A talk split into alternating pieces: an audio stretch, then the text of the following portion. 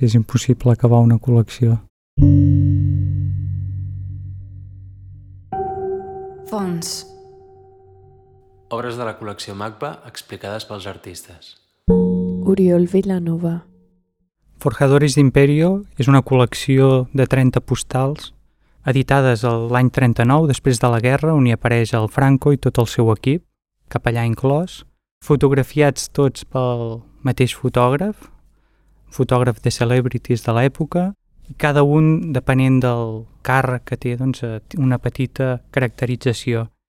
El que era interessant d'aquesta peça era tenir doncs, el, la col·lecció de, dels personatges que estaven construint una nova utopia, si més no ells com ells defensaven el fet d'haver guanyat la guerra i poder doncs, escriure la història des del rol dels guanyadors. El format postal sempre té un caràcter de propaganda, ja sigui política en aquest cas o turística, no? I aquestes postals doncs, havien estat repartides i jo sabia que això havia sortit a la venda o s'havia distribuït en el seu moment com a 30 postals. Habitualment treballo en col·leccions que queden obertes i en aquest cas doncs sabia que algun dia quedaria tancada, no? que la col·lecció sencera era de 30 postals que vaig anar recol·lectant durant temps al mercat de Sant Antoni, altres mercats, i aquí el que m'interessa també és el fet de, concepte de la història com a, com a un material mòbil, el fet de mirar aquest document editat al 39 amb un sentit, amb una recepció, i el que podia tenir, el que té doncs, en l'actualitat, no? veure aquest document el 2013, una lectura completament diferent. La postal cal recordar sempre que se'n fan unes tirades molt llargues, però que sempre acaba siguent una còpia única, perquè una imatge doncs, ha estat enviada, l'altra ha estat doncs, en un mercat on li ha tocat el sol, ha plogut. La majoria desapareixen perquè és un material que no té un valor real. I aquesta condició de material únic i que el trobes fruit de l'atzar, doncs també sempre m'ha interessat, no? Des dels 18 anys que vaig a mercats de les pusses i materials que jo col·leccionava, alguns ara reconverteixen en exposició o llibres, però que aquest interès ja hi era sense una, una relació amb el, amb el món de l'art contemporani o d'altres pràctiques. Això ha sigut a posteriori, quasi. Moltes vegades és la pròpia imatge qui, d'alguna manera, em tria o escullo una imatge però sense saber molt clar què em faré. No? És, per mi és molt important el treball amb aquestes imatges del de, el, el temps. Són imatges que queden en l'arxiu durant anys, a l'estudi, en carpetes ordenades i que van prenent el seu lloc. Moltes vegades les col·leccions neixen d'una col·lecció que tinc que es diu Rares Inclassificables. Per exemple, d'allà ha nascut una col·lecció que es diu Mausoleus, imatges de museus del segle XIX, imatge canònica del museu, i que havien estat doncs, en els rares inclassificables i veig que això té, es comença a repetir eh, l'interès per un cliché, per una certa imatge i passa doncs, en un altre estatus. M'interessa molt el, el mercat de les pusses no? com un espai quasi de, de la derrota. Quan arriben aquests materials als mercats? Doncs quan es mor algú, quan la gent es desfà d'aquest material, però que quan arriba allà aparentment no té valor, no? Passen a ser objectes anònims. I llavors a mi el que m'interessa és treballar amb aquests materials i generar noves narratives amb aquestes col·leccions, no? El temps és un ingredient que va col·locant les coses al seu lloc i que aquestes col·leccions no tenen per què transformar-se com en el cas de les dues peces que hi ha al MACBA de dues col·leccions de postals, sinó que a partir de les postals, que és el punt d'inici o un altre material del mercat, doncs es pot generar un, una obra de teatre, una peça radiofònica, un text. Des del moment que m'instal·lo a Barcelona per estudiar arquitectura, començo a anar doncs, cada setmana al, al mercat, cada diumenge anar-hi. Abans com a amateur, diríem, ara com a amateur igualment, podríem dir, però que es tradueix en, en format obra. No? I per mi és molt important aquest ritual es mantingui. Un cop a la setmana, com a mínim, vaig a un mercat de les puces, estigui a Roma, estigui a París, estigui a Barcelona, sigui on sigui, no? veure les relacions que hi ha, el tipus de material que surt de cada lloc i que en realitat no deixa de ser un material que es mou, no? Hi ha un intercanvi, són postals que venen de l'estranger, que s'envien, que es reben. Compro també publicacions, propaganda, temes de guerra, de poesia, de filosofia... Per mi és important no només el material que trobo en el mercat, sinó el ritual, el fet d'anar-hi, les converses, els personatges, les situacions, el regateig, les converses més surrealistes que he pogut sentir o tenir, sens dubte, és el mercat. Els personatges realment són molt pintorescos. Pots trobar des d'anarquistes de tota la vida, outsiders, gent que porta ja material doncs, per alguns escollits. Per exemple, hi ha un que porta postals al roman que va amb una caixa i que només porta postals al mercat a una desena de persones i es queda com a l'ombra, no? El fet de que em guardin postals, per exemple, doncs una sèrie això no és algo que vulgui fer perquè justament del que es tracta el meu treball quasi és de desordenar moltes vegades les seves col·leccions. Un que tingui una parada de postals doncs les ordenarà per ciutats o per temes i justament jo el que he d'anar fent és de les ciutats o dels seus temes anar destriant per fer les meves pròpies col·leccions, no? els meus ordres. Això també posa de manifest aquesta idea de, de la impossibilitat de classificar. Ell ha classificat, però jo necessito desclassificar per tornar a classificar. I així infinitament. No hi ha pressa a ensenyar les peces perquè moltes estan quasi en l'estatus de, de que prenguin el seu lloc i que justament estic col·leccionant-les des de la intuïció. La peça John és una escultura de fusta que se situa en el lloc, es fa específicament pel lloc són sis portes de fusta que són la porta d'entrada a la peça còpies, sis portes que són el cabinet de col·leccionista buit, com a contraposició a la col·lecció interior de còpies. És una peça que fa referència a la casa museu del John Swan de Londres, un arquitecte anglès que va dedicar part de la seva vida a col·leccionar i pel seu esperit col·leccionista obsessiu, es va quedar sense superfície i sense espai d'exposició. I té una sala que és molt característica, que és una, un dels espais més interessants de la seva casa museu, que són uns panells que es pleguen i es despleguen de forma molt teatral per mostrar doncs, peces de Canaletto, de William Hogarth. Aquesta peça, John, quasi com si fos de la família, fa referència a aquests panells desplegats, no? fa referència a la idea de, de la col·lecció des d'una certa ambigüetat per la seva naturalesa de la fusta neta, minimal, però també de la seva condició de com utilitzar-la. És una peça que pots travessar, és funcional i la relació amb còpies també és per fer de filtre a la col·lecció. Aquestes sis portes provoquen que no tinguis una visió directa doncs, a, a una col·lecció de moltes postals i que té un cert caràcter espectacular. És una manera de tenir la mirada filtrada des d'un context de la porta.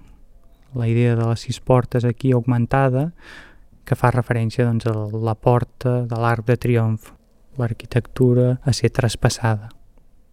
Els interiors de les portes acaben convertint-se en un espai pràcticament, no saps si estàs col·locat dins d'un armari, si estàs col·locat dins de la pròpia vitrina i el que m'interessa és dirigir el moviment de l'espectador, no? com veu la, les peces, com es situa en l'espai.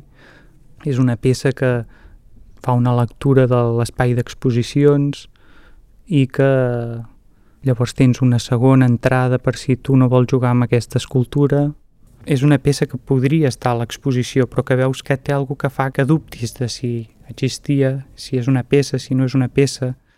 Són sis portes que són uns panells que tenen una alçada, unes proporcions que no ens són habituals. La veritat és que és divertit quasi sentar-se davant i veure com la gent reacciona amb aquesta peça. Per mi té eh, molt a veure amb la idea de la col·lecció. justament perquè es posa en l'oposat, no? es posa en la idea de la iconoclastia, no? la col·lecció buida. Còpies és una peça que comença el 2000, dic que comença el 2000 perquè és quan entra una postal d'un arc de triomf a la col·lecció, però ha anat creixent exponencialment i també doncs, la intensitat de la compra d'arts de triomf. No? I és una peça que és oberta. És una col·lecció d'arts de triomf del món sencer. La idea és eh, treballar sobre l'art de triomf com una arquitectura simbòlica, a diferència de l'arquitectura que té una funció, ja sigui un museu, sigui una casa, sigui un hospital, aquí tota la seva funció recau doncs, en el pes de s'ha guanyat una batalla en honor d'un dictador i passen a ser, doncs, un, amb molta sort, un monument turístic, com altres monuments que ens trobem en el nostre dia a dia passejant per les ciutats es converteixen, tot i la seva magnitud, en elements invisibles. És una arquitectura que comença fa 2.000 anys i que està doncs, en actual vigència. Es continuen construint arts de triomf a Corea del Nord i en països en, en dictadures. El model sempre és el mateix, és el model romà, tot i que hi hagin algunes petites diferències, però es pren el model de Roma com a canònic i es va doncs, remodelant. D'alguna manera podríem dir que és la còpia de la còpia. És símbol de cultura occidental, però apareix en ciutats doncs, a Barcelona, a Moscou, a Nova York, a París, a Roma, apareix en tots els continents. El que m'interessa de l'art de triomf en aquesta peça també és el fet de que sigui reproduït en, en el format postal. La postal repeteix la imatge del cliché, no? la imatge de ser reconeixible. L'art de triomf de París és el més representat, per això també en la peça és el que es repeteix més, però en trobem de Trípoli, en trobem de Madrid. La idea és que estiguin repartides i que no estiguin ordenades ni cronològicament ni per ciutats. A l'interior de la peça hi ha microsèries, dictadors, postes de sol, exèrcits travessant l'Arc de Triomf, l'ocupació nazi de París. Després hi ha anècdotes divertides, com poso doncs, postals de costat d'Arts de Triomf de Rússia, on durant l'època de Stalin va decidir que l'art de triomf no formava part del seu imaginari i els va fer enderrocar. Postals abans de Stalin i les postals després de Stalin. No? És aquesta idea de, de la reconstrucció del patrimoni. Hi ha la ruïna de l'art de triomf de forma natural o la ruïna per part de la guerra, l'Arc de Triomf de Múnich en plena Segona Guerra Mundial queda destruït i se'n fa una postal. Hi ha una sèrie d'imatges amb l'Arc de Triomf de fons que serveixen per parlar d'altres coses. De fet, moltes d'aquestes imatges que aquí estan ordenades com arcs de triomf podrien estar ordenades en altres sèries també, pels motius que hi apareixen en primer i segon terme. El que també m'interessa d'aquesta peça per la magnitud i per la varietat del material és que pot fer una petita història de la fotografia. Aquestes imatges doncs han des de el 1800 fins a l'actualitat, fins fa un parell de mesos. També fa una història de la fotografia comercial dels fotògrafs anònims, de fet. L'evolució d'aquesta imatge, de la gràfica, dels colors... Es pot fer una història del format, la postal està ja pràcticament en desús i la postal esdevé souvenir, no tant objecte a ser enviat i la col·lecció aquesta doncs, va des de la postal enviada i escrita fins a, a la imatge souvenir. El que vaig plantejar era de enviar les postals que anava trobant no? i mantenir l'arxiu viu. Per mi no tenia sentit que si anava al mercat i trobava un art de triomf que no estava a la col·lecció, deixar-lo de comprar perquè la peça estava tancada. I el sistema que hem establert doncs, és que jo aniré col·leccionant les postals que faltin i em aniré enviant al, al museu. De fet, en la peça queda una estanteria per sobre buida per anar afegint les postals que vagi enviant durant l'exposició.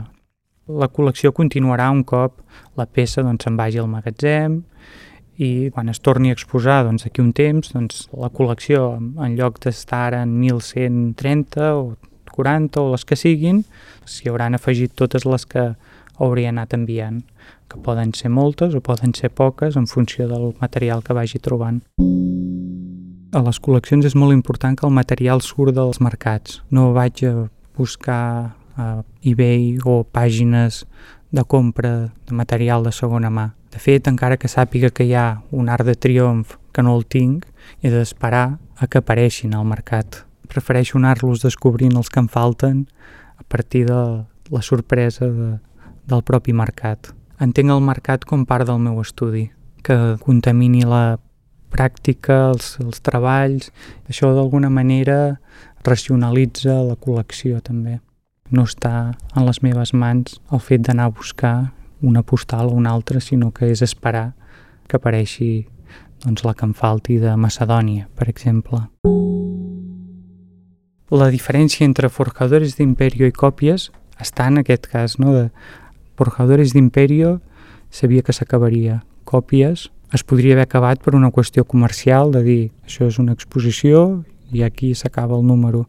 De fet, la peça es podria acabar d'aquí 10 anys, perquè tindria sentit, o no acabar mai. Vaig fer una obra de teatre que es deia Orpa, on parlava, entre d'altres temes, sobre la desaparició del Museu del Louvre de París. Es lleven un dia els francesos i ha desaparegut el Museu del Louvre, no? un dels primers museus que s'entenen com a museus públics tal com els entenem ara, creat durant la Revolució, en el mateix moment on comença la idea de preservació del patrimoni. El fet de que desapareixi l'original, la còpia pren valor. Les postals passen a, a ser originals, els mercats de les puces passen a tenir un altre estatus, les botigues de souvenirs, els copistes, posar en dubte què és la còpia o què és l'original. M'interessa el, el trànsit sempre entre els oposats, no? la memòria i l'oblit, la col·lecció i la iconoclastia, la imatge i la seva desaparició. I és situar-me sempre entre aquests trànsits, entenent sempre aquests dos conceptes com una moneda, no? o sigui, la cara i la creu.